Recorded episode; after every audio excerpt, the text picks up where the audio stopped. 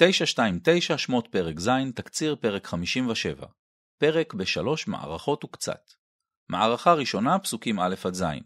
אדוני פורס לפני משה את המתווה הכללי של תוכנית יציאת מצרים.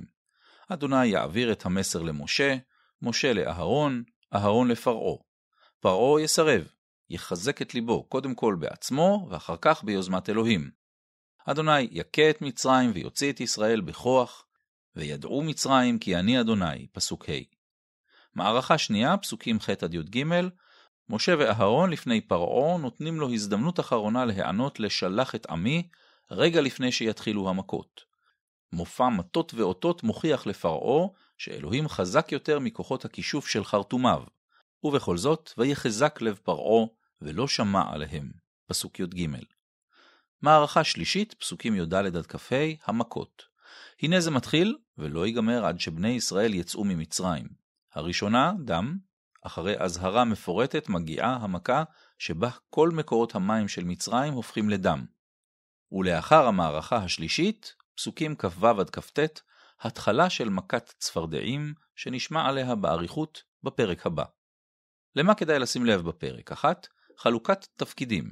חלוקת התפקידים בין משה לאהרון מוגדרת כמודל של אלוהים ונביא. ויאמר אדוני אל משה, ראה נתתיך אלוהים לפרעה, ואהרון אחיך יהיה נביאך. פסוק א'. אגב, זה גם מגדיר לנו מיהו נביא, מי שמביא את הדברים מהדובר אל הנמען.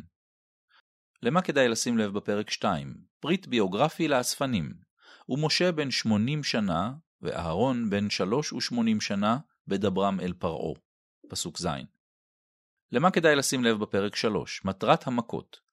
בני ישראל לא סתם יצאו ממצרים, הם יצאו בשפטים גדולים למצרים, שאולי הם גם סוג של עונש על השעבוד, ויגלו מעל לכל ספק כי אני אדוני. למה כדאי לשים לב בפרק 4?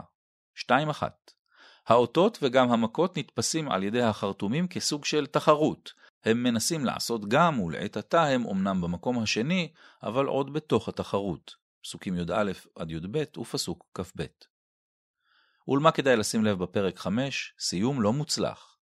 פרק ז' מסתיים ממש באמצע המשפט. למה? לבישוף סטפן לנגטון מחלק התנ"ך לפרקים פתרונים. את התקציר כתבה מרים בלומנטל.